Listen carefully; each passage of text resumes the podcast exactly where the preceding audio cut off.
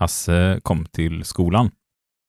Och han var sen igen. Han har varit sen ganska många gånger och så frågade läraren Hasse, varför är du sen hela tiden? Liksom? Nej, men jag har svårt att passa tiden på morgonen, säger Hasse.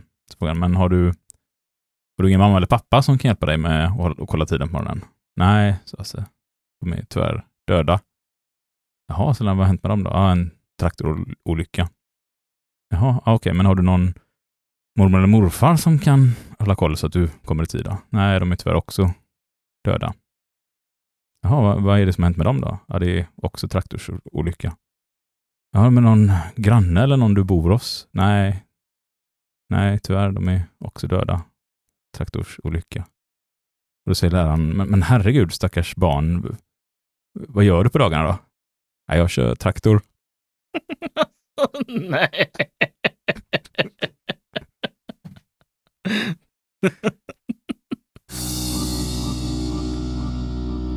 Så, alltså horribelt dålig arbetsmiljö eh, och barn som får köra fruktansvärt farliga maskiner, det kan ju vara kul att skratta åt ibland.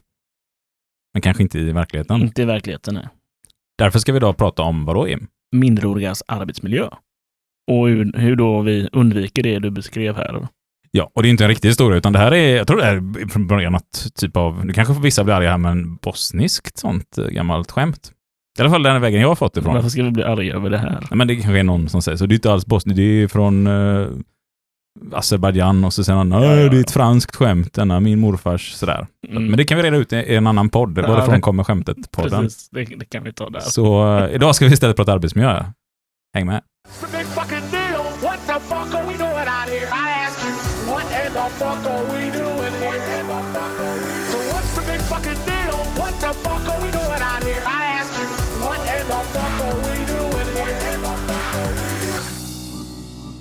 Du lyssnar på Fuck You Podcast, avsnitt 80, troligtvis.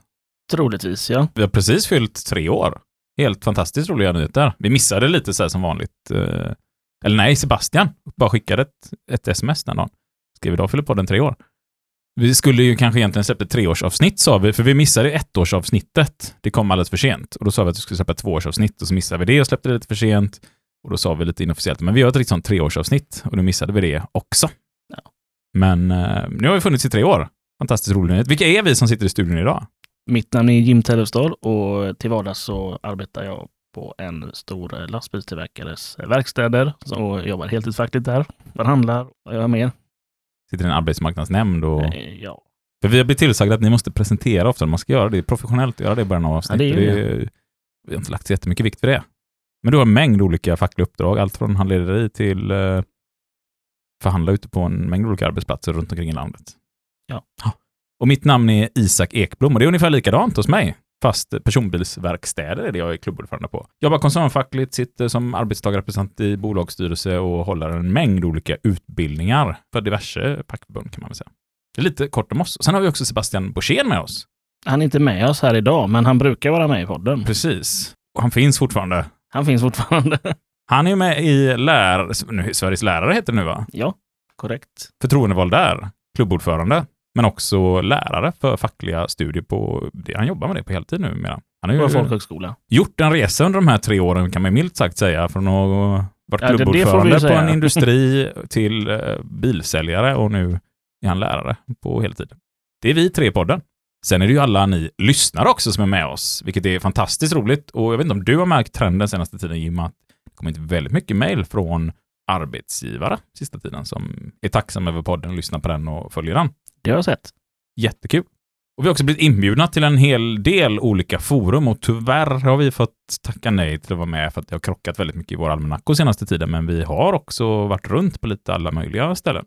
Nästa vecka, eller då förra veckan, beroende på när man lyssnar på det här avsnittet, så kanske folk lyssnar på det ett år senare också, men eh, om ett par dagar så ska jag i alla fall åka och hålla ett eh, repskapsmöte för elektrikerna avdelning 10. Vi var på Byggnads för ett tag sedan. Vi har varit på lite lokala fackliga organisationers möten och så också. Jag ska åka och hålla en kurs för en fackklubb uppe i Stockholm också, som har en internutbildning de har bjudit upp med. Lite sånt där. Så att, eh, jättekul. Vad har du varit för dig senaste tiden, Jim? Nej, men senaste veckan har väl varit, har det väldigt mycket politik, ska jag säga. Det är eh, sammanfallit allting samtidigt. Vad har du gjort då? Ja, men vi har haft eh, nämnddagar då, så det är utbildningsdagar här nu i början av mandatperioden då, eh, så man ska lära sig hela verksamheten ordentligt. För du är ju viceordförande för arbetsmarknadsnämnden i Göteborg. Ja, precis. Eh, arbetsmarknad och vuxenutbildning då som är ihopslaget i samma. Någonting vi kanske borde, istället för att prata om det nu, så kanske vi borde göra ett helt avsnitt om det där. Det kanske vi ska göra längre fram, absolut. Fick vi ytterligare ett avsnitt här till avsnittslistan. Och vi vill tacka alla er som har skickat in förslag på gäster, utredningar och allt möjligt som har kommit in till oss. Vi har fått jättemycket bra förslag och en hel del av de här människorna är också kontaktade som eh, kommer att komma avsnitt med inom kort. Så stort tack till alla er lyssnare. Nu tänkte jag att vi ska hoppa in på det här avsnittet och minderårigas arbetsmiljö. Tanken med dagens avsnitt är att vi ska prata om i vilka åldrar man får arbeta med vad och det finns en hel del förbud också för minderåriga. Vi ska prata riskbedömning, lite skadestatistik. Vi ska prata medicinska kontroller. Vi ska prata lite om en outvecklad frontallob. Vi kommer att ta fram lite exempel från hur det kan se ut i ett kollektivavtal och även hur lokala förhandlingar på det här kan se ut och det arbete man kanske kommer fram till i en riskbedömning. Sen kommer vi titta på arbetsmiljölagen kapitel 5. Givetvis ska vi gå igenom AFS 2012 kolon 3, minderårigas arbetsmiljö. Där har vi dagens avsnitt. Och också lite barn som, lite minderåriga som, som springer runt utanför. är med för stämningens skull. Innan vi djupdyker helt in i detta så skulle jag dock vilja ställa frågan till dig Jim. Du eh, hade mycket praktik i gymnasiet, var det inte så? Det hade jag. Gjorde du någon sån riktig tabbe eller blunder på grund av din ringa ålder?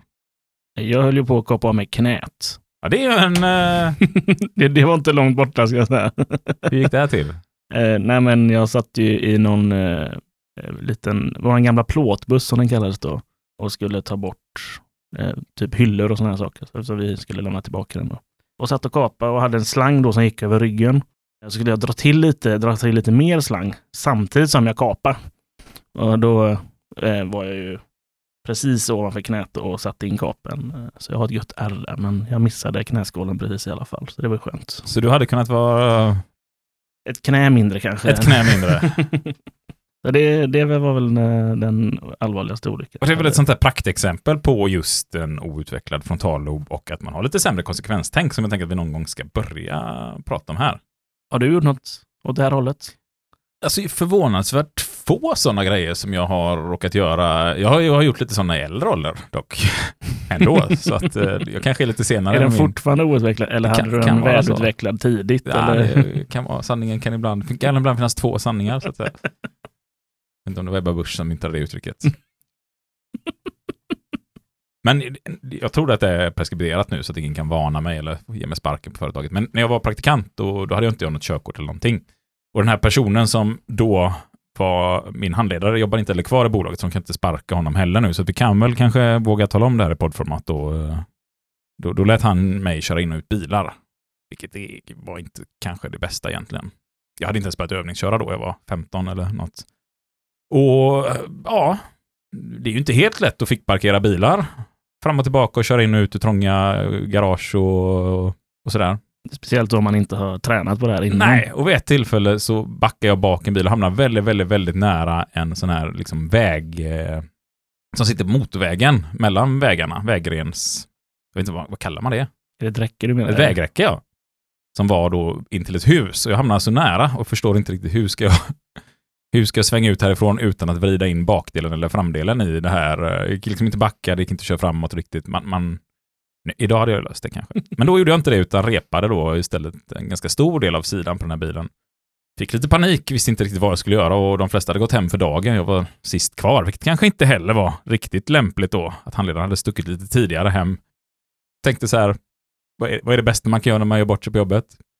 Inte säga någonting. Såklart. Så jag parkerade den här bilen och vi hade lagat andra sidan på bilen. Bra var att det var ingen ägare till bilen. Utan det var en bil som bolaget sen skulle sälja. Så att jag parkerade den där, sa ingenting, lämnade in nycklarna och låtsades som att hoppas ingen märker detta. Och det gjorde ingen. Och de sålde bilen med de här skadorna och kunden som har köpt den har ju säkert fått antingen ett billigare pris eller accepterat att skadorna var där. Och så. Så inga offer i alla fall? Inga offer i alla fall. Men idag hade jag antagligen om jag gjort sådana misstag kanske sagt till att jag har klantat mig. Det här behöver vi Det är justera. väldigt lämpligt att göra det. Det är det. Så hoppas jag inte att jag får det här emot mig nu. Det är ändå långt mer än tio år sedan. Och det här är väl 2004 eller någonting. 2005 kanske. 2004 tror jag. Det borde vara preskriberat för den här tiden. Det får man, man får lyssna på vårt LAS-avsnitt om man vill veta. Kan man få sparken för någonting som hände 2004? Nu är det inte så att bara för att du och jag har gjort klantiga saker när vi var unga, att alla ungdomar kommer göra det. Nej, det är ju inte ett måste förstås. Men rent statistiskt sett och rent vetenskapligt sett så är riskerna väldigt mycket högre hos individer. Och nu är vi lite hårdare, under 30. Så det är ju nästan precis att du och jag klarar oss ifrån detta. Ja, nu så. Ja. Men man kan säga att lite förenklat så utvecklas frontalloben fram till 25-30 års ålder ungefär. Så där är den väl rejält utvecklad hos oss människor. I snitt får man tillägga. Det kan ju vara mycket tidigare och mycket senare på vissa också. Frontalloben då, eller pannloben som man också kan säga, den ansvarar för vår kognitiva förmåga. Och det är saker och ting som planering, förstånd, beslutsfattande, alltså lite mognad kan man väl säga också. Konsekvenstänket. Så att när frontalloben inte är tillräckligt utvecklad, då tänker vi kanske inte så logiskt som vuxna tänker att vi borde tänka alla gånger och det här bör vi ha med i våra riskbedömningar. Jag tänker att vi också ska länka faktiskt till Järnfondens Hjärnfondens hemsida, så kan man gå in och läsa lite mer än det vi pratar om här och nu. Men liksom kortfattat så känslorna kommer att styra väldigt mycket mer när vi är yngre. Belöningssystemen, mängden dopamin som eh, vår hjärna skickar ut, påverkar också oss i mycket större utsträckning än vad det gör när vi är vuxna. Det blir också så att vi blir lite mer egoistiska. Kompisar blir viktigare. Sömnen är väldigt mycket viktigare för ungdomar. Så att det här bör vi någonstans ha förståelse för när vi ska riskbedöma. Det som är logiskt för dig och mig kanske inte är logiskt för 15-åriga dig eller mig.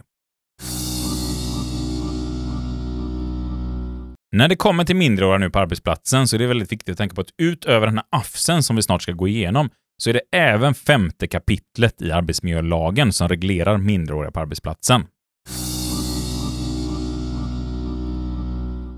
Paragraf 1. Med minderårig avses i denna lag den som icke har fyllt 18 år. Lite gammal skrivelse där med 18 år, men det är alltså 18 år för oss som eh, är födda efter när det nu kan vara man använder 18 år. Paragraf 2. En minderårig får inte som arbetstagare eller på annat sätt anlitas till eller utföra arbete före det kalenderår då den minderåriga fyller 16 år och inte heller innan den minderåriga har fullgjort sin skolplikt. Första stycket hindrar inte att en minderårig som har fyllt 13 år anlitas till eller utför lätt arbete som inte är av sådant slag att det kan inverka skadligt på den minderårigas hälsa, utveckling eller skolgång. Regeringen eller den myndighet som regeringen bestämmer får meddela föreskrifter om undantag från första stycket för anlitande av en minderårig som inte har fyllt 13 år. Ett sådant undantag får endast avse mycket lätt arbete av sådant slag att speciella och betydande tillämpningsproblem skulle uppstå, om undantag inte gavs. Regeringen eller den myndighet som regeringen bestämmer får meddela föreskrifter om sådant arbete som avses i andra och tredje styckena. I sjömanslagen 1973 282 och fartygssäkerhetslagen 2003 364 finns särskilda bestämmelser om minimiålder för fartygsarbete. Lag 2013 610. Ja, det var paragraf 2 ur arbetsmiljölagen. Och jag tycker inte vi behöver förklara så jättemycket av detta. De är väldigt tydliga, de här paragraferna, och vi kommer ju som sagt snart gå in i själva AFSen som är lite mer djupdykande. Paragraf 3. En minderårig får inte anlitas till eller utföra arbete på ett sätt som medför risk för olycksfall eller för överansträngning eller annan skadlig inverkan på den minderåriges hälsa eller utveckling.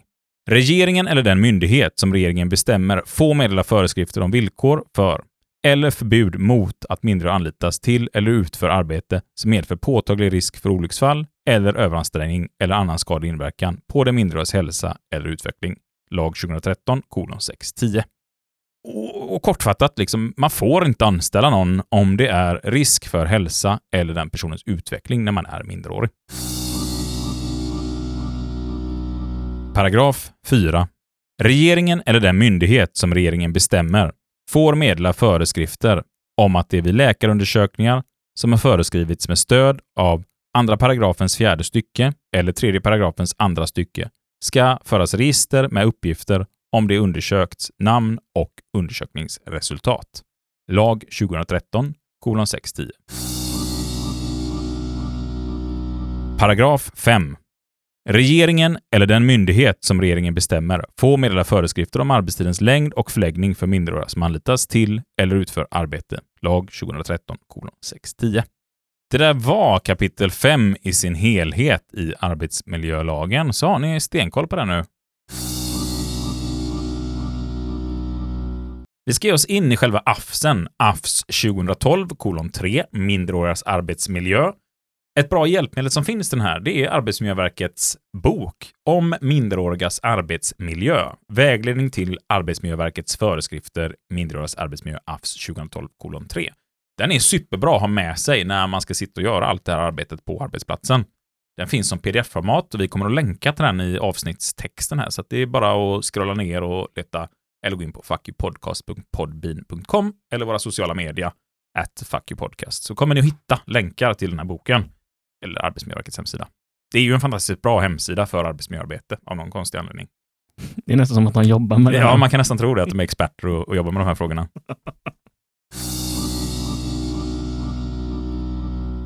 Syfte, paragraf 1.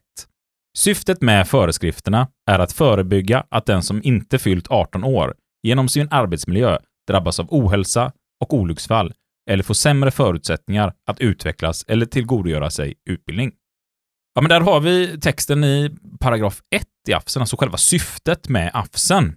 Och vi har ju redan varit inne på det här nu med en outvecklad frontallob och att det kan göra en enorm skillnad i konsekvenstänket och det här behöver vi ta extra hänsyn till. Men det är ju dessutom så att mellan 2014 och 2018 så dog 15 stycken unga personer i arbetet.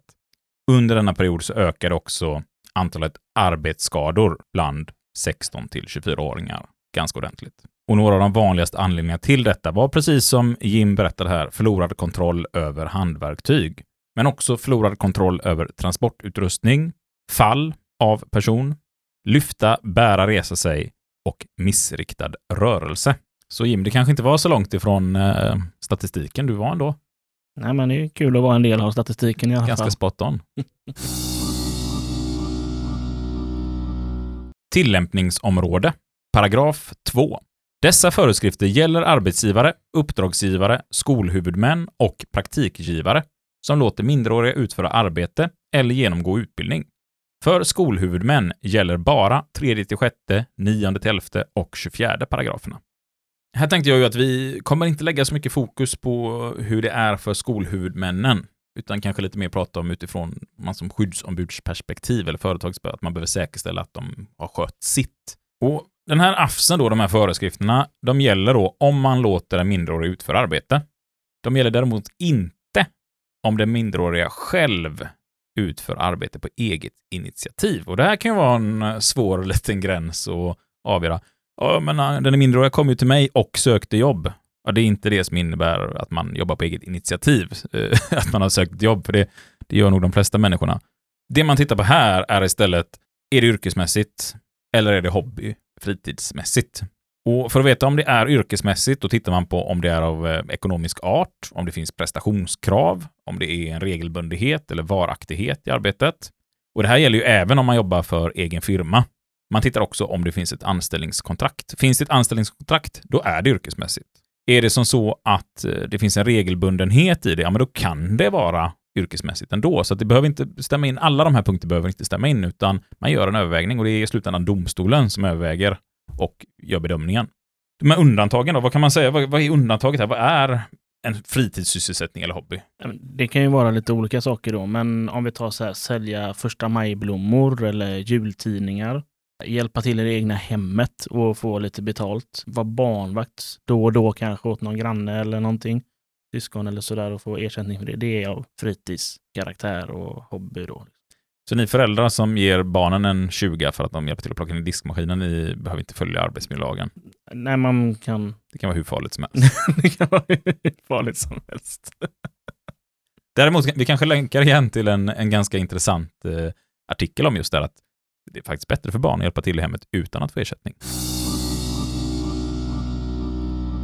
Och tittar vi i Arbetsmiljöverkets allmänna råd också så är det tydligt här att för de minderåriga som omfattas av dessa föreskrifter på grund av att de genomgår utbildning i form av skolundervisning eller praktik är föreskrifterna tillämpliga av naturliga skäl, inte beroende på något av kraven att arbete utförs yrkesmässigt. Så att där är det krav på det här ändå. Definitioner. Paragraf 3. De beteckningar som används i dessa föreskrifter har samma betydelse som i arbetsmiljölagen 1997 1160 och arbetsmiljöförordningen 1977 1166. Dessutom använder föreskrifterna följande beteckningar.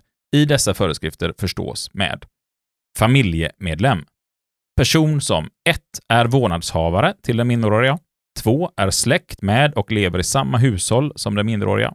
3 är gift med vårdnadshavaren och lever i samma hushåll som den minderåriga. Eller 4.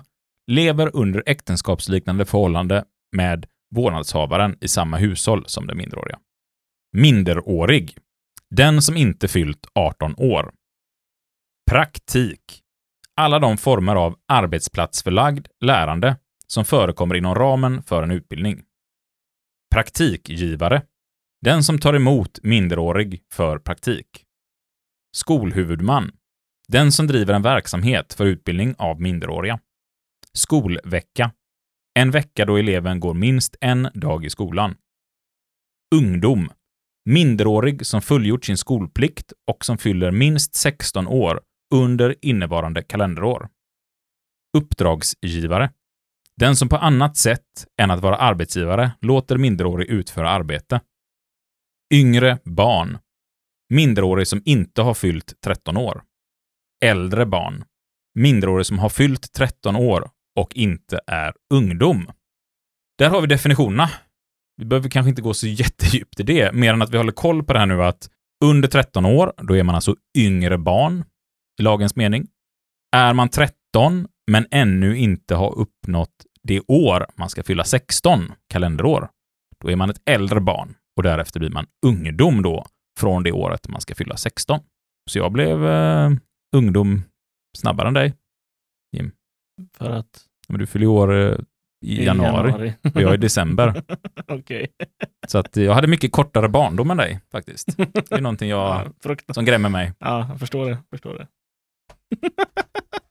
jag bara, va? Vad menar han? Undersökning och riskbedömning. Paragraf 4.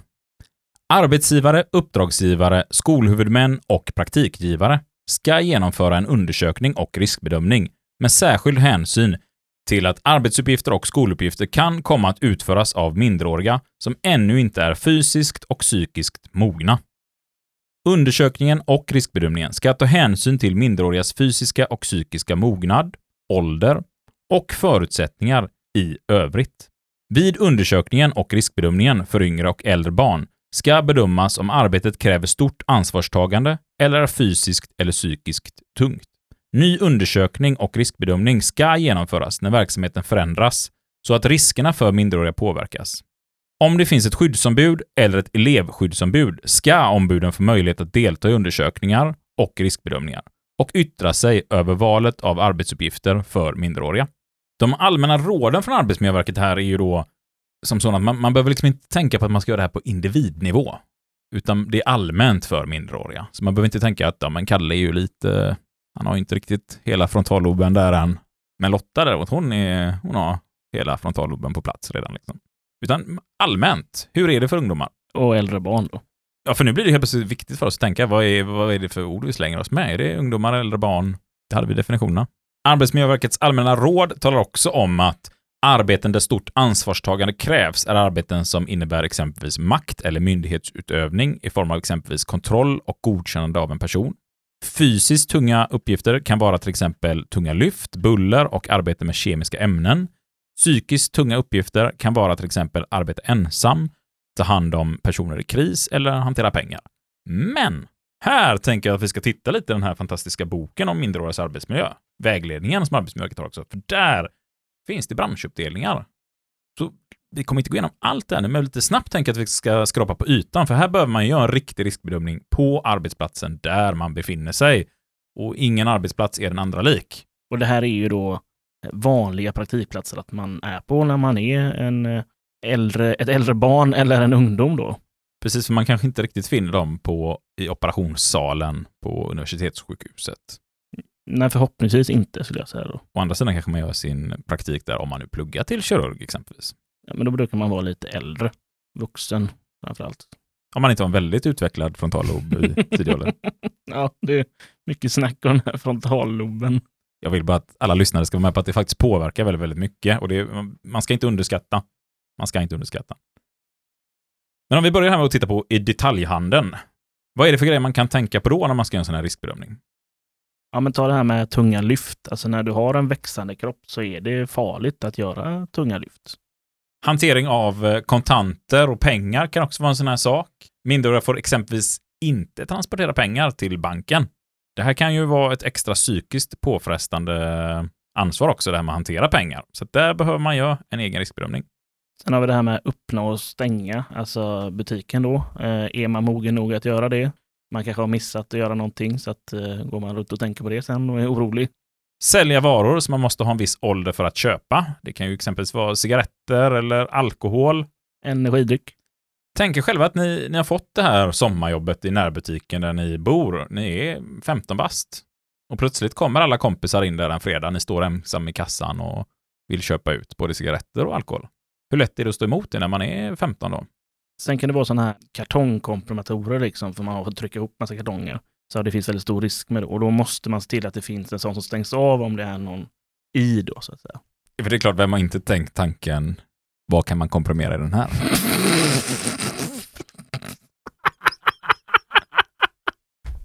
har du aldrig tänkt tanken? Eh, Jag brukar inte tänka den. man kastar ett bilbatteri här. Och, Mm, ja, det är spännande. ja. Men det är framförallt personer då som inte ska klämmas. Sprayburkar är väl intressant att se, vad händer? Det finns ju till och med sådana YouTube-kanaler som bara komprimerar grejer som har flera miljoner. Så det, uppenbarligen är det ju i alla fall någon mer än mig som funderar på Ja, det, det, det är okej Isak, Ja. du får fundera på det här. Det kan ju finnas mycket, mycket fler risker än det här, men det här är Arbetsmiljöverkets tips på saker man ska titta på. Om vi hoppar över till hotell och restaurang då. Och då har vi där man serverar alkohol till exempel. Är är det lämpligt att eh, ett vuxet barn gör det? Äldre barn heter det. Eller barn. Och sen är nästa fråga, berusade gäster då. Är det, är det lämpligt att arbeta med berusade gäster när man är 15-16 år? Sen har du i restaurangköken då, det finns ju mycket risker där. Du kan bränna dig och du kan skära dig och stekhällar och varm olja och mycket saker som kan. Ja, men jag tänker ofta så, hur, hur farligt kan det vara att jobba i ett kök? Jag får ofta den, liksom. och så har jag själv skurit mig på ett antal ställen i handen. Bara det hade kunnat sluta olyckligt. När du jobbar i köket hemma. När jag jobbar i mitt egna kök i lugn och ro utan stress, och utan folk som springer och drar och hoppar i en och att man ska vara på flera ställen samtidigt. Eh, och sen vet man ju alla de man har träffat på från hotell och som visar upp brännskador, eh, allt möjligt som har hänt från het olja och stekhällar och sådär. Och det finns väldigt mycket mer risker än vad man kanske tänker på vid första anblick. Sen har vi alla köksmaskiner också. Har jag också faktiskt dragit av en fingertopp en gång, vill jag minnas. När du jobbade i kök eller här var hemma? jag liten bara hjälpte till i köket. Ja, ja. Ju längre det här avsnittet går, ju mer börjar jag fundera på om inte de här reglerna även borde gälla hemma för barn som hjälper till. det, det, det låter så faktiskt. Men det är givetvis viktiga saker att fundera på. Vad har man för köksutrustning och alla skydd och allting, rörliga delar och allting som hör till där. Liksom. Det, det, man kan inte bara utgå från att en vuxen känner till risken och vet hur man ska använda det, utan vi behöver tänka på detta när man inte är så riskmedveten, när man inte har så konsekvenstänk. Hur brukar vi dem då? Mm. Och sen kommer vi tillbaka till samma grej som fanns i detaljhandeln egentligen, det här med tunga lyft, eh, arbeta i kassa och öppna och stänga restaurangen. Då, liksom. Vi kan föra oss över till vård och omsorg. Och då kommer vi in på den här kanske första riktigt så här psykiskt stora påfrestningen. Alltså hur är det att ta hand om människor som kanske befinner sig i kris? Får besked som man inte vet hur man ska hantera. Det kan nog vara tungt nog för en vuxen. Det är tungt för en vuxen, ja precis. Sen har vi det här med allvarlig smitta. Återigen en sån här grej. Jag tror inte riktigt alla har samma konsekvenstänk när det kommer till handhygien och det har vi väl sett under coronaepidemin ute på arbetsplatserna att eh, alla är inte riktigt lika medvetna om eh, hur smitta sprids och eh, även om man är medveten om det, hur man faktiskt hanterar det. Så att återigen tillbaka till när man inte riktigt, när man är odödlig och inte tänker på så mycket. Hur noga är man med de där bitarna då? Har man verkligen förstått allvaret i hur viktigt det är att sköta handhygien exempelvis? Och här kommer vi även titta på en bilaga till den här absensen som talar om vilka arbeten som är helt förbjudna. Men redan här på vård kan vi ju tala om att att vårda dementa eller personer med psykisk ohälsa. Det är förbjudet här. Om det nu inte är så att man går en utbildning just för det här yrket. Om vi får oss över till byggarbetsplatserna, Jim då. Och här har vi återigen då tunga lyft. Det finns mycket tunga grejer att eh, ta tag i där man kanske ska använda hjälpmedel istället. Arbete när det finns risk för olyckor och det skulle man väl kunna säga alla arbeten. Men här vill man ändå punktera lite extra noga att Mindreåriga råkar oftare ut för olyckor än vuxna. Därför behöver du se till att det finns tydliga instruktioner och säkerhetsrutiner. Du ska också kontrollera att den minderåriga förstår instruktionerna. Det räcker liksom inte att sätta upp instruktioner och säga, men du ser ju instruktionerna där. Nej, vi behöver säkerställa att man har förstått det också. Sen när vi arbetar på höjd, till exempel på stegar då, eller olika ställningar. Och där har vi återigen en sån här sak, alltså delar av eh, frontalloben styr också vår motorik. Det är inte säkert att vi lyckas hålla samma balans samtidigt som vi klarar av arbetsuppgifter och tänka hur ska jag göra nästa steg och hålla balansen uppe på en stege. Sen har vi kemiska ämnen. Och där behöver man ju dels säkerställa att man är mer riskprägen och kanske inte har samma konsekvenstänk. Alltså bara den här saken som att ha en flaska som har något ouppmärkt i sig, man vet inte vad det är man kanske tror att ah, men det är ett glas vatten där eller en flaska vatten det kan jag dricka ur och så är det en aceton eller någonting annat.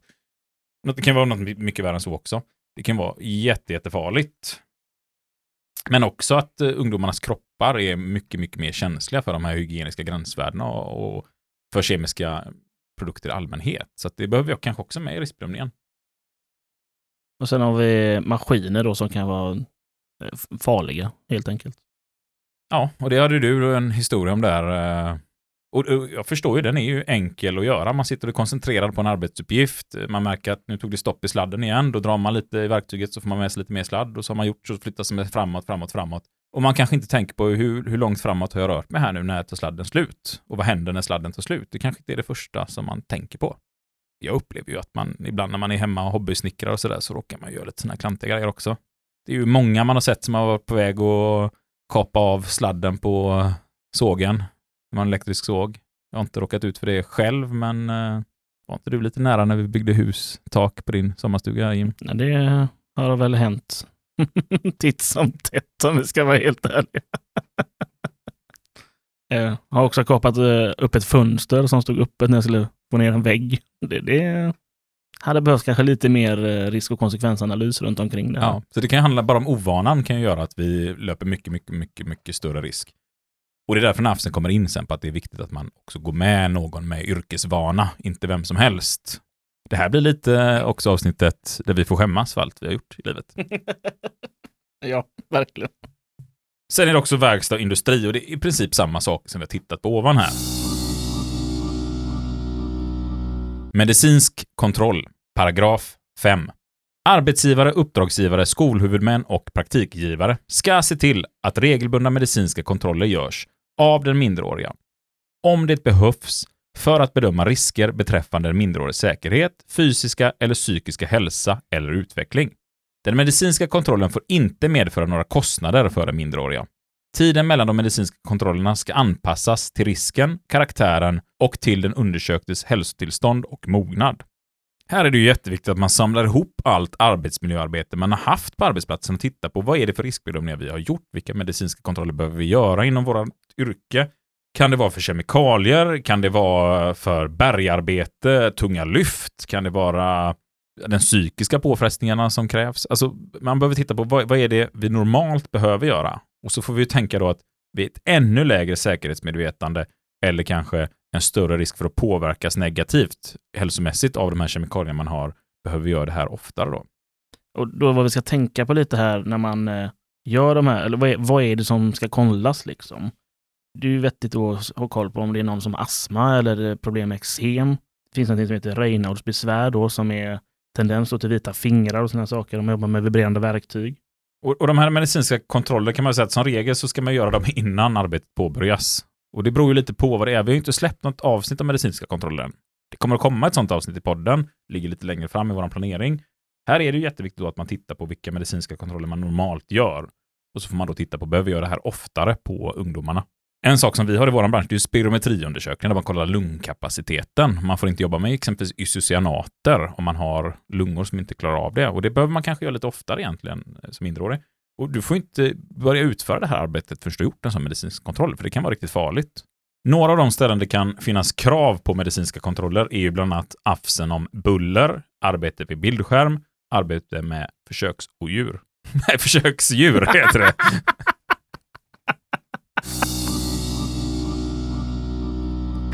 Åtgärder, paragraf 6. Arbetsgivare, uppdragsgivare, skolhuvudmän och praktikgivare ska innan arbetet eller utbildningen påbörjas vidta de åtgärder som behövs enligt riskbedömningen och utförd medicinsk kontroll. Det kan ju vara som så att man har kommit fram till att eh, några åtgärder är extra skyddsutrustning eller att det är viktigt att man har skyddsutrustning. Att man gör sådana här exempelvis spirometriundersökningar. Är det nu så att den ena parten inte gör detta, då kan båda bli skyldiga tillsammans, här, alltså både skolhuvudman och praktikgivare. Så här är det väldigt viktigt att man har ett samarbete, skola och arbetsplats. Information till vårdnadshavare och skyddsombud. Paragraf 7. Arbetsgivare och uppdragsgivare som låter en minderårig utföra arbete ska informera yngre och äldre barns vårdnadshavare om arbetsuppgifterna, deras risker och eventuella skyddsåtgärder. Om det finns ett skyddsombud ska skyddsombudet underrättas om beslut att anställa en minderårig. Jättetydligt här i AFSen att eh, skyddsombudet ska bli underrättat om man tar in en minderårig. Vårdnadshavarens medgivande. Paragraf för yngre och äldre barn får arbete vid sidan av skolan inte gå ut över skolarbetet eller hindra dem från att tillgodogöra sig undervisningen. För att få anlita yngre och äldre barn att utföra arbete ska arbetsgivaren och uppdragsgivare försäkra sig om att vårdnadshavare har lämnat sitt medgivande. Och här då rekommenderar vi då en signatur från vårdnadshavaren. Ensamarbete, paragraf 9. Arbetsgivare, uppdragsgivare, skolhuvudmän och praktikgivare får aldrig låta minderårig utföra ett sådant riskfyllt arbetsuppgift som finns uppräknad i bilaga 1 som ensamarbete. Överträdelse av bestämmelserna i första stycket kan medföra böter. Se 24 paragrafen. Och här menar man ju ensamarbete som Arbetsmiljöverket menar i vanliga fall också då. Och vill man läsa mer om det så kan man lyssna på avsnitt 54. Ett avsnitt vi faktiskt redan har gjort. För en gångs skull. Så vi inte bara hänvisar till kommande avsnitt. Rutiner för introduktion och information. Paragraf 10. Arbetsgivare, uppdragsgivare, skolhuvudmän och praktikgivare ska se till att den minderåriga får en introduktion med information om arbetsuppgifterna och dess risker och försäkra sig om att den minderåriga har förstått informationen. Arbetet ska utföras under ledning och tillsyn av en lämplig person som har fyllt 18 år och har kunskap om arbetet. Det ska finnas rutiner för hur introduktion och handledning ska gå till. Det man menar här med en lämplig person att leda och eh, ha tillsyn över mindre, det kan vara en lärare, arbetsledare eller en mer erfaren arbetskamrat. Och då säger de allmänna råden här att man bör ha minst ett års erfarenhet av de aktuella arbetsuppgifterna från arbetsliv eller utbildning och ha nödvändiga kunskaper om risker och skydd. Men det går ju inte att säga att ett år räcker här. Alltså, det kan ju vara alldeles för lite på någon arbetsplats. Vi hade ju med Sara exempelvis från ett kärnkraftverk i Sverige. Jag har en känsla av att där finns det arbetsuppgifter där man kanske inte är helt fullärd efter ett år och behöver ännu mer rutin med det man går med. Så man får ju titta lite hur ser det ut hos oss? Vad har vi för risker? Hur ser det ut i vår bransch? Handledaren bör ju då eh, grundligt gå igenom arbetsuppgifterna och riskerna med den minderåriga. Se till då att den minderåriga har förstått. Se till då att den minderåriga utför arbetet enligt instruktionerna, vilket också kan innebära att handledaren kan behöva, under, i alla fall under första tiden, stå bredvid och bevaka så att det sköts på rätt sätt. Men det behöver man ju göra, för även om någon tror att de har förstått rutinerna så är det inte säkert att man har förstått dem. Man behöver också säkerställa att man har, inte bara att man frågar, har du förstått? Ja. Och sen, hur, hur tänkte du nu? För den tror jag många handledare har ställt, i alla fall lite tyst i sitt eget huvud har man nog tänkt så. Hur tänkte du nu till sin praktikant eller elev? Va? Jag ställer frågan, vet du hur man gör det? Ja, men det vet jag hur man gör. Så vandrar man därifrån och så står man där med en dörr som inte fungerar. Kanske har hänt mig. Det har hänt, ja. Även solen har sina fläckar, har vi ju kunnat konstatera under det här eh, avsnittet. Förbjudna arbetsuppgifter. Allmänna regler för minderåriga. Paragraf 11. Det är förbjudet för arbetsgivare, uppdragsgivare, skolhuvudmän och praktikgivare att låta minderåriga utföra de riskfyllda arbetsuppgifter som finns uppräknade i bilaga 1, om inte villkoren för undantag enligt bilagan är uppfyllda. Överträdelse av bestämmelserna i första stycket kan medföra böter, se 24 paragrafen. Den här bilagan kommer vi gå igenom sen, så att, eh, vi hoppar över till nästa paragraf. Särskilda regler för yngre och äldre barn. Yngre barn, paragraf 12. Det är förbjudet för arbetsgivare, uppdragsgivare och praktikgivare att låta yngre barn utföra arbete. Undantag gäller 1. För mycket lätt lätta och ofarliga arbetsuppgifter inom verksamheter som bedrivs av en familjemedlem utan andra anställda. 2. Om Arbetsmiljöverket har gett tillstånd för artistuppträdande enligt 13 paragrafen. Överträdelse av bestämmelserna i första stycket kan medföra böter, se 24 paragrafen. Så där har man alltså då undantag för barn under 13 år. För att eh, man säger att i allmänhet så har man förbjudit barnarbete, men det finns då här vissa, vissa, vissa, vissa särskilda fall där man kan få arbete under 13 års ålder. Typ barnskådespelare och artister då. Och så. Paragraf 13. Arbetsgivare, uppdragsgivare och praktikgivare som vill låta yngre barn uppträda och repetera inom kulturell eller konstnärlig verksamhet och vid sport och reklamevenemang kan söka tillstånd hos Arbetsmiljöverket för detta. Beviljade av sådan ansökan förutsätter att arbetsuppgifterna inte riskerar barnets säkerhet, hälsa eller utveckling. Arbete får inte heller gå ut över skolarbetet eller hindra den minderåriga från att tillgodogöra sig undervisningen. Ja, en utveckling av paragraf 12. Äldre barn, paragraf 14. Det är förbjudet för arbetsgivare, uppdragsgivare och praktikgivare att låta äldre barn sälja åldersreglerade varor eller i övrigt utföra arbete som kräver stort ansvarstagande eller låta dem utföra fysiskt eller psykiskt tungt arbete. Överträdelse av bestämmelserna i första stycken kan medföra böter. Se 24 paragrafen.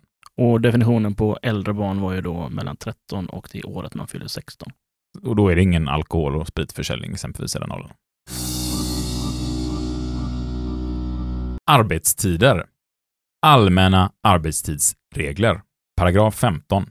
Vårdnadshavare avgör arbetstiden för yngre barn som utför mycket lätta och ofarliga arbetsuppgifter enligt 12 paragrafen, punkt 1. Samma gäller för äldre barn och ungdomar som anlitas på samma sätt. Paragraf 16. En arbetsgivare eller uppdragsgivare får inte låta en minderårig utföra arbete mellan klockan 24 och 05. Överträdelse av bestämmelserna i första stycket kan medföra böter. Se 24 paragrafen. Paragraf 17. Om det finns särskilda skäl får Arbetsmiljöverket medge undantag från 16, 19, 20 och 21 paragraferna för uppträdande och repetitioner inom kulturell eller konstnärlig verksamhet samt vid sport och reklamevenemang.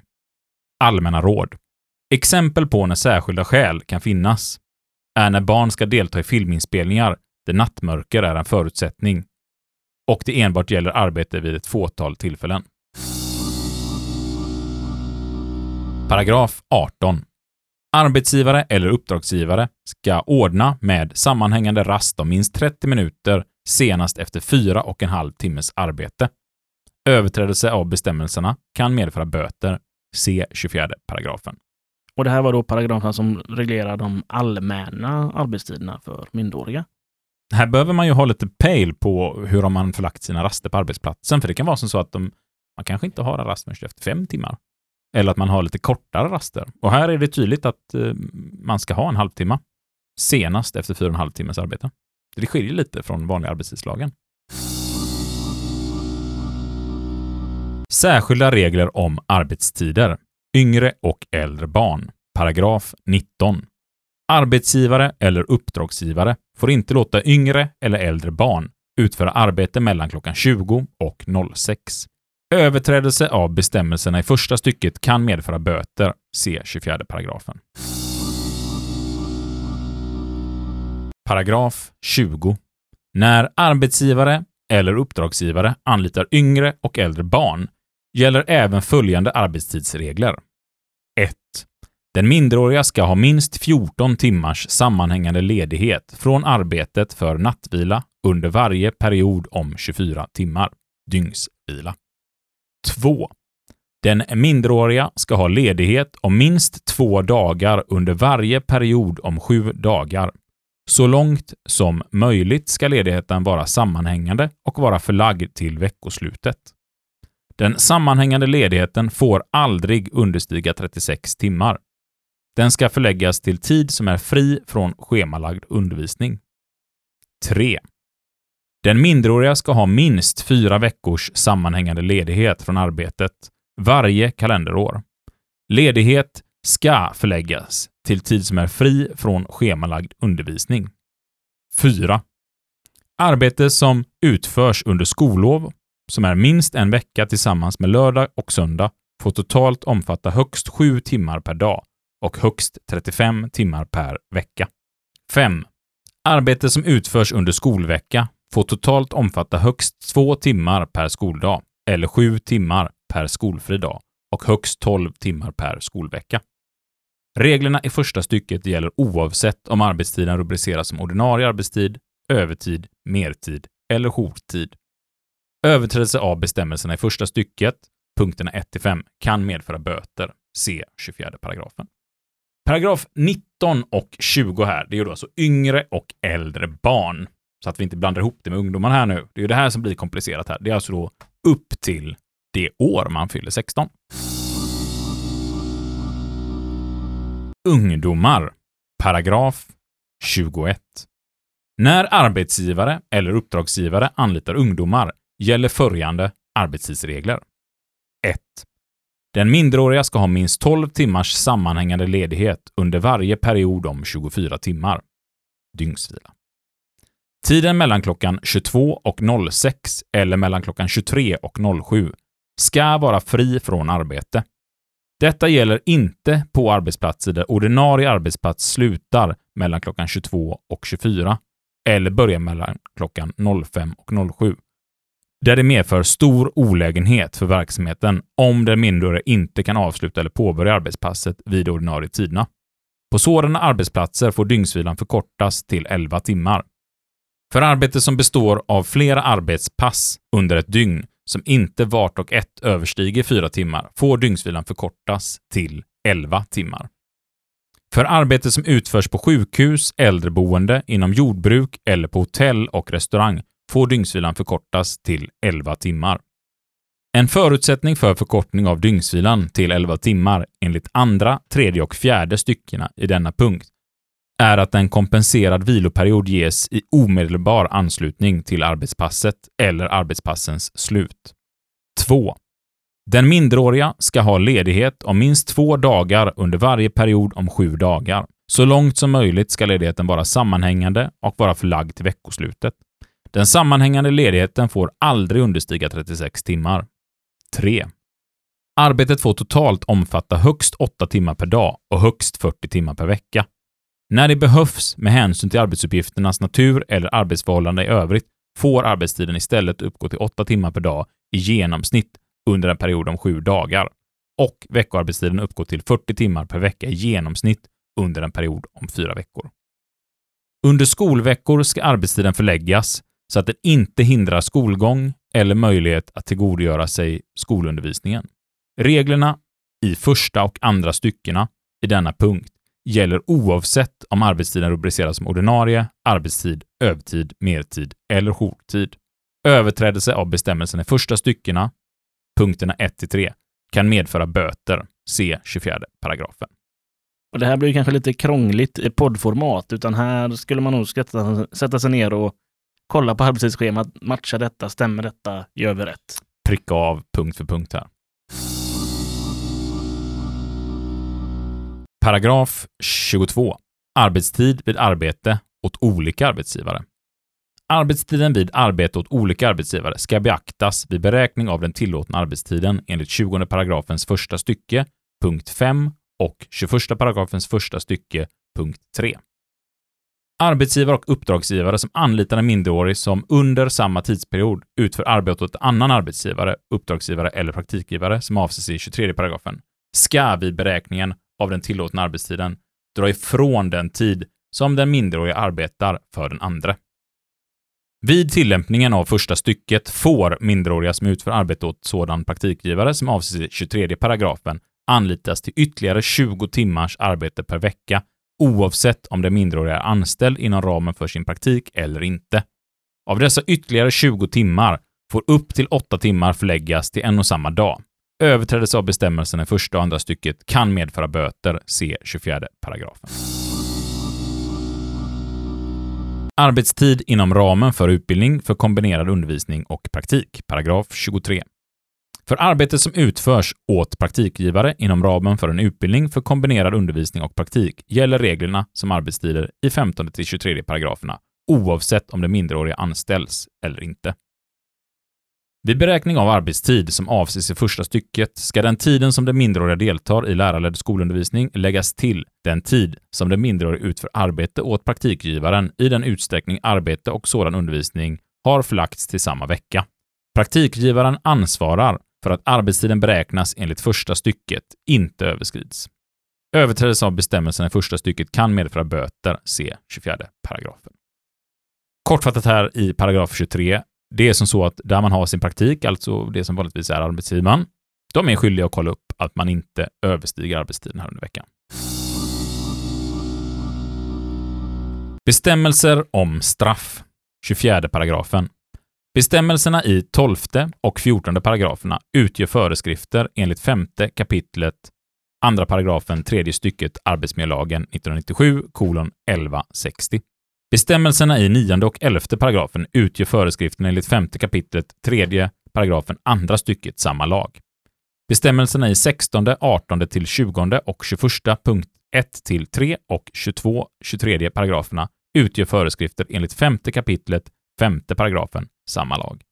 Brott mot den nu uppräknade föreskrifterna kan enligt 8 kapitlets andra paragraf första stycke arbetsmiljölagen medföra böter. Kortfattat då, om jag bryter mot lagen vad blir det då? Dyrt. Där gott folk har ni då föreskriften i sin helhet. V vad tycker du Jim? Var den svårhanterlig? Den känns väldigt rimlig på många sätt och vis eh, när man tänker och funderar på det här lite grann och sitter och läser in det och lyssnar på vad du säger så, som vanligt här så är ju afsarna, tycker jag, väldigt lättbegripliga och tydliga med vad de vill. Och tycker man någonting är otydligt, men då tar man fram den här boken som Arbetsmiljöverket har, som vi har länkat till, så blir det ännu mer tydligt och pedagogiskt. Och vi har sagt det ett par gånger, men risk och konsekvenstänket mycket, mycket, mycket, mycket, mycket lägre överlag när vi är minderåriga. Så att eh, det behöver vi ha med i de här riskbedömningarna och det är den ju ganska tydlig med här. Jag tänker att vi ska lite snabbt ge oss in i den här bilagan också och titta på men vilka är de här eh, riskfyllda arbetsuppgifterna som enligt elfte paragrafen är förbjudna för minderåriga? Det finns ju lite undantag här. Den här bilagan är delad som så att vi har i eh, första kolumnen vilken agens det är, alltså vad är det för uppgift man utför. Sen har vi om det är förbjudet eller inte. I tredje kolumnen så står det om det är tillåtet om arbetsuppgiften ingår i undervisning som är förlagd till en skollokal eller någon annan plats som är anordnad särskilt för undervisning eller ingår i handledarledd praktik för ungdomar. Och sen har vi den fjärde kolumnen. Tillåtet om arbetsuppgiften utförs av ungdomar som fullgjort gymnasial utbildning eller likvärdig utbildning för arbetsuppgiften. Så att nu kommer vi bara rabbla upp vilka typer av arbeten detta är.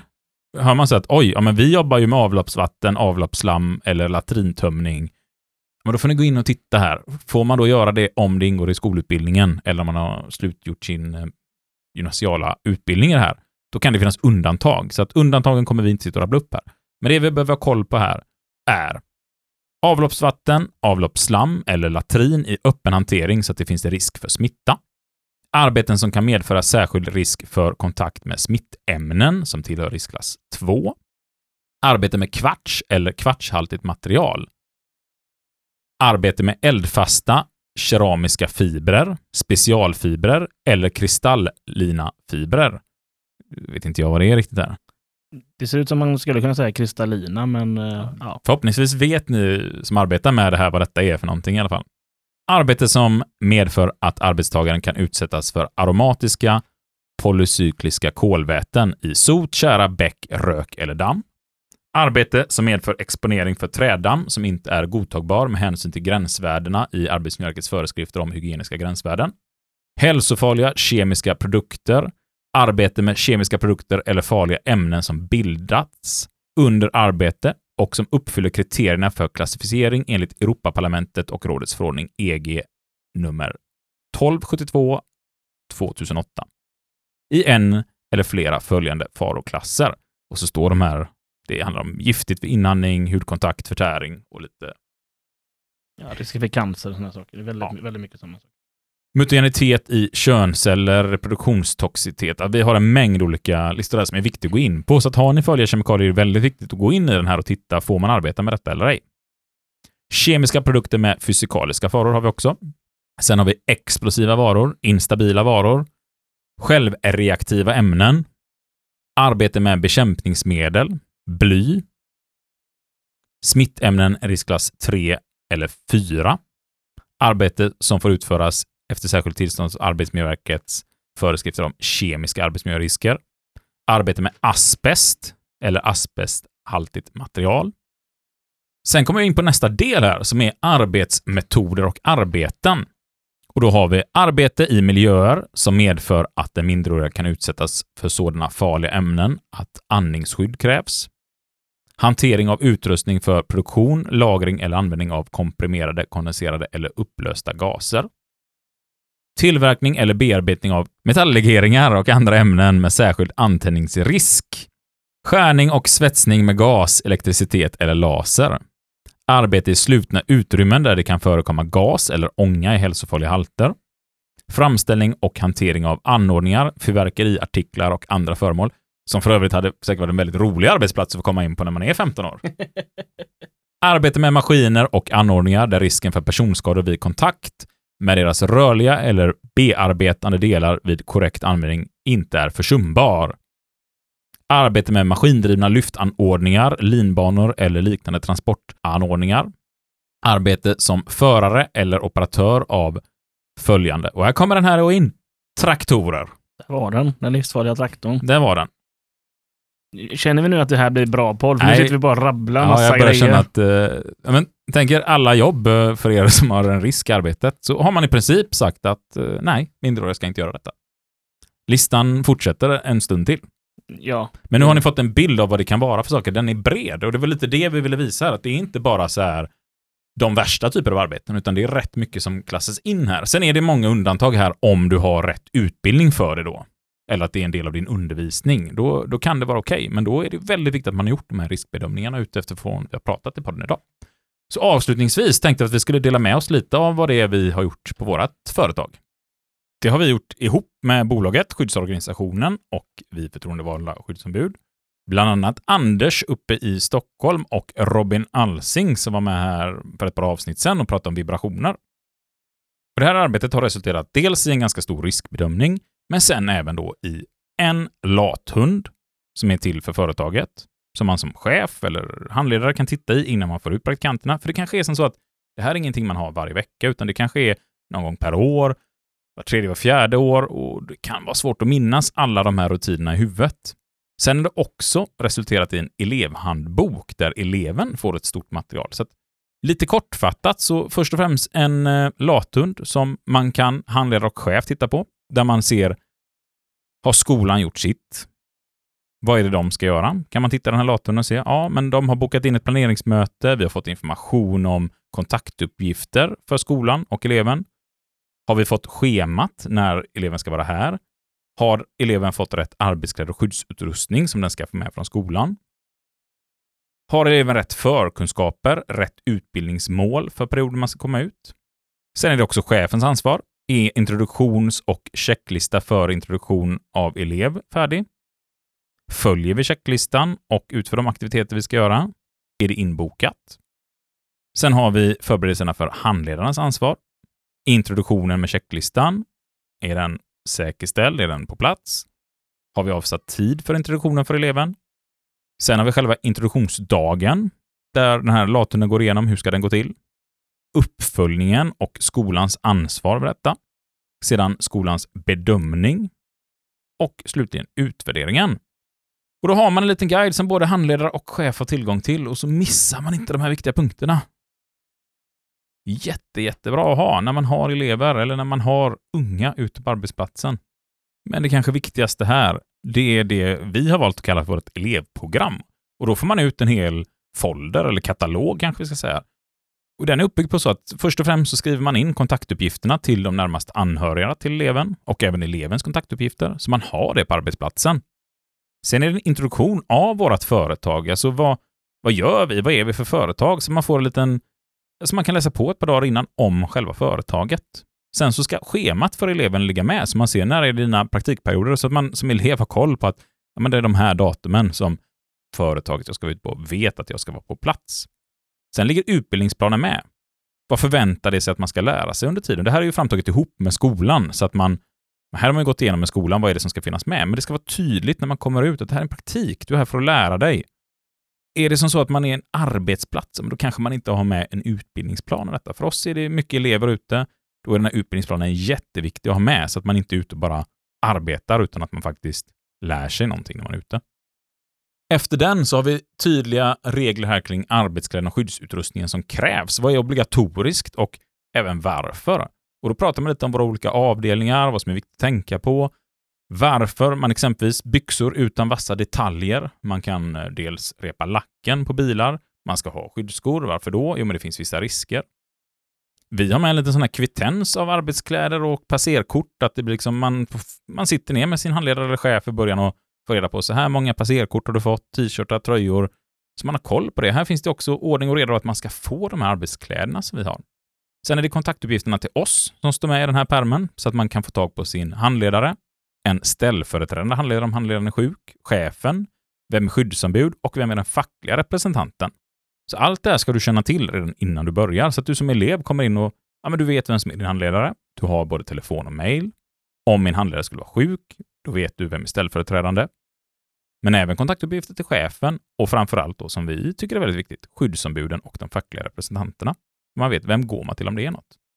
Sen har vi en introduktion med en lång checklista. Och för att gå igenom den lite kortfattat så är den första delen i den här, det är före introduktionen, så alltså, har vi avsatt tid. Har vi avsatt tid för arbetsmiljöinformation? Har vi beställt kläder? Har vi ordnat ett omklädningsskåp? Är kontaktuppgifter ifyllda? Sen är det introduktion till elevens första dag. Vem tar emot eleven? Rundvandring, brandskyddsutrustning, utrymningsrutiner, återsamlingsplats. Första hjälpen och ögonduschar.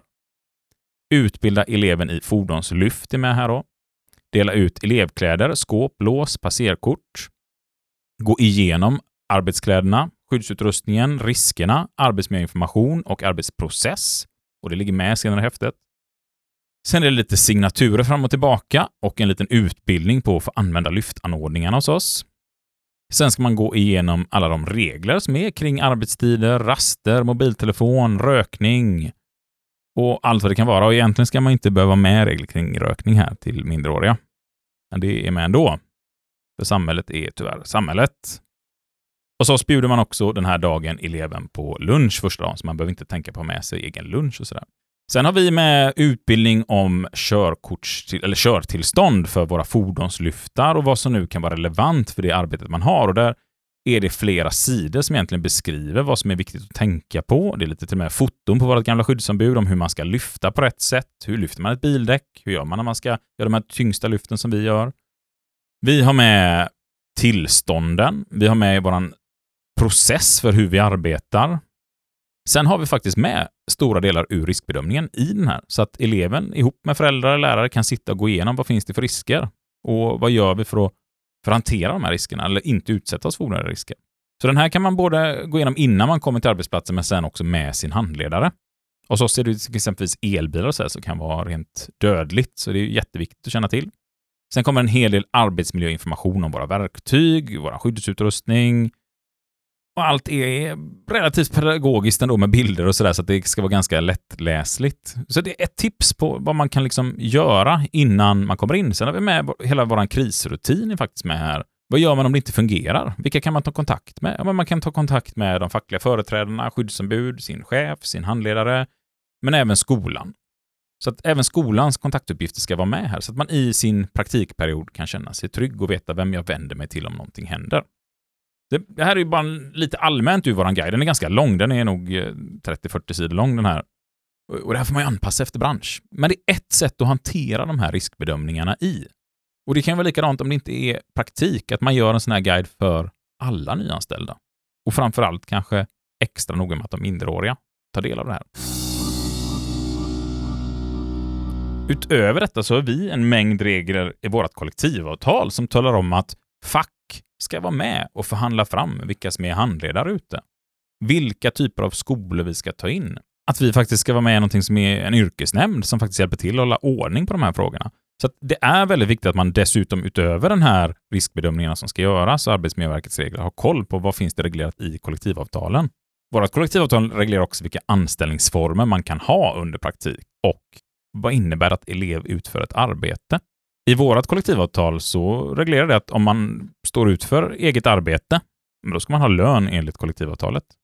Sen reglerar det matersättning för elever, försäkring, arbetsmiljö, introduktioner, arbetsplatssamverkan, betyg, feriearbete, att man kan utse yrkesombud från den fackliga organisationen, regionala samverkansorgan och en förhandlingsordning för det här. Så att ha koll. Har vi någonting i våra kollektivavtal?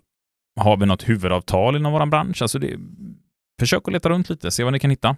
Ju bättre det här är uppordnat, ju hållbarare blir branschen. Ju bättre kvalitet får man dessutom på de man anställer. Alla tror jag tjänar väldigt mycket på att ha en hög status i utbildningarna och ha ordning och reda. Det blir dels roligare att komma ut som elev och känna att folk bryr sig om en, att man har en god arbetsmiljö. Det blir också roligare som arbetsgivare och veta att de som kommer ut vet vad som förväntas av en. Så det är väl investerad tid att göra det här grundligt en gång och sen ha ett bra material som man arbetar med. Och sen bara låta det ingå i det vanliga systematiska arbetsmiljöarbetet. Att man beroende på bransch kollar någon gång per år eller några gånger per år.